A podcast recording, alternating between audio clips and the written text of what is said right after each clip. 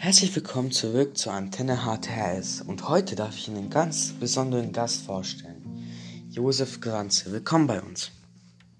Erstmal vielen Dank und hallo. Heute werde ich ein paar Fragen zur Industrialisierung in Deutschland beantworten. Ja, ganz genau, denn wir wurden äh, von unseren Zuschauern geboten, äh, mal so ein Interview zu führen. Und deswegen habe ich jemanden hier, der diese Zeit live miterlebt hat. Wollen wir direkt loslegen? Ja, das können wir. Erstmal Anfang. Von, von wann bis wann ging eigentlich unsere Industrialisierung? Äh, sie fand zwischen ungefähr zwischen 1850 und 8, äh, 1910 statt. Äh, ja, genau. Und äh, welche Faktoren unter unterstützten diese Intrus Entschuldigung.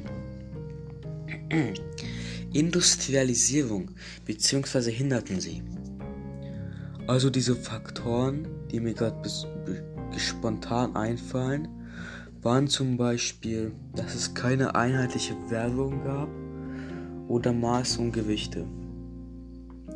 Oder und oder dass es kein genug ausgebautes Verkehrsnetz gab. Aber der Staat reagierte äh, und die Probleme wurden behoben. Interessant. Und wo äh, haben Sie eigentlich damals ge äh, gearbeitet?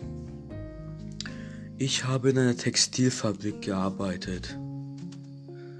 Und wie waren dort die Arbeitsbedingungen? Sie waren schrecklich. Hygiene und Sicherheit waren kaum vorhanden. Und alle, alles war dreckig und man konnte kaum atmen.